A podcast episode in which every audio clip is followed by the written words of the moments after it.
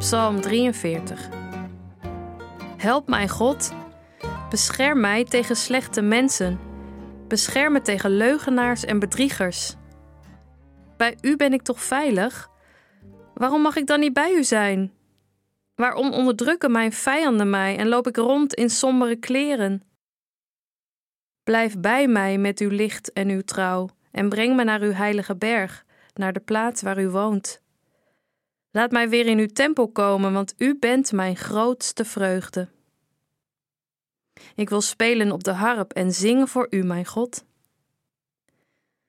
Waarom ben ik zo bedroefd? Waarom zo onrustig van binnen?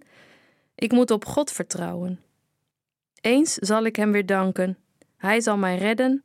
Hij is mijn God.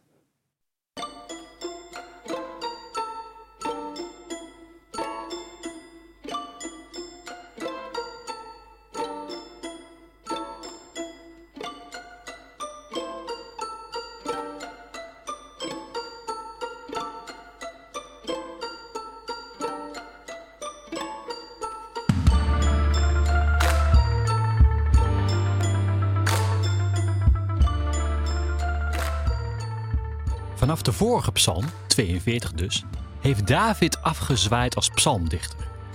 Hiermee zijn we dus het tweede deel van de psalmen ingegaan. Deze psalmen zijn voor een groot deel geschreven door de zogenaamde Koragieten. Dat waren tempelmedewerkers in Jeruzalem, liturgisten, dichters, voorzangers. En zij verzorgden een groot deel van de Joodse tempeldienst. Koragieten dichten hun psalmen vooral over bevrijding, over vrijheid. En deze 43ste psalm wordt al eeuwenlang in de kerken gezongen op Passiezondag, het begin van de lijdenstijd op weg naar Pasen. En met Pasen wordt zelfs de dood verslagen, zo gelooft de kerk. Nou, als dat geen vrijheid is. En deze psalm klinkt bijna hetzelfde als de vorige, maar dan heeft het meer van een rechtsgeschil van een rechtszaak. Help mij, God, verdedig mij tegen slechte mensen, bescherm me tegen leugenaars en bedriegers. Zo begint deze psalm. Een andere vertaling zegt: Doe mij recht, o God, vecht mijn gevecht. Heel veel van de psalmen gaan niet over geloof of vertrouwen, maar over recht. Maar recht is voor heel veel van ons iets wat ver weg staat. Wat gebeurt in een rechtbank met criminelen? Of wat zou moeten gebeuren in de politiek? Maar luister eens naar slachtoffers van een misdrijf of naar mensen die vermalen worden in de bureaucratie van regels en overheden.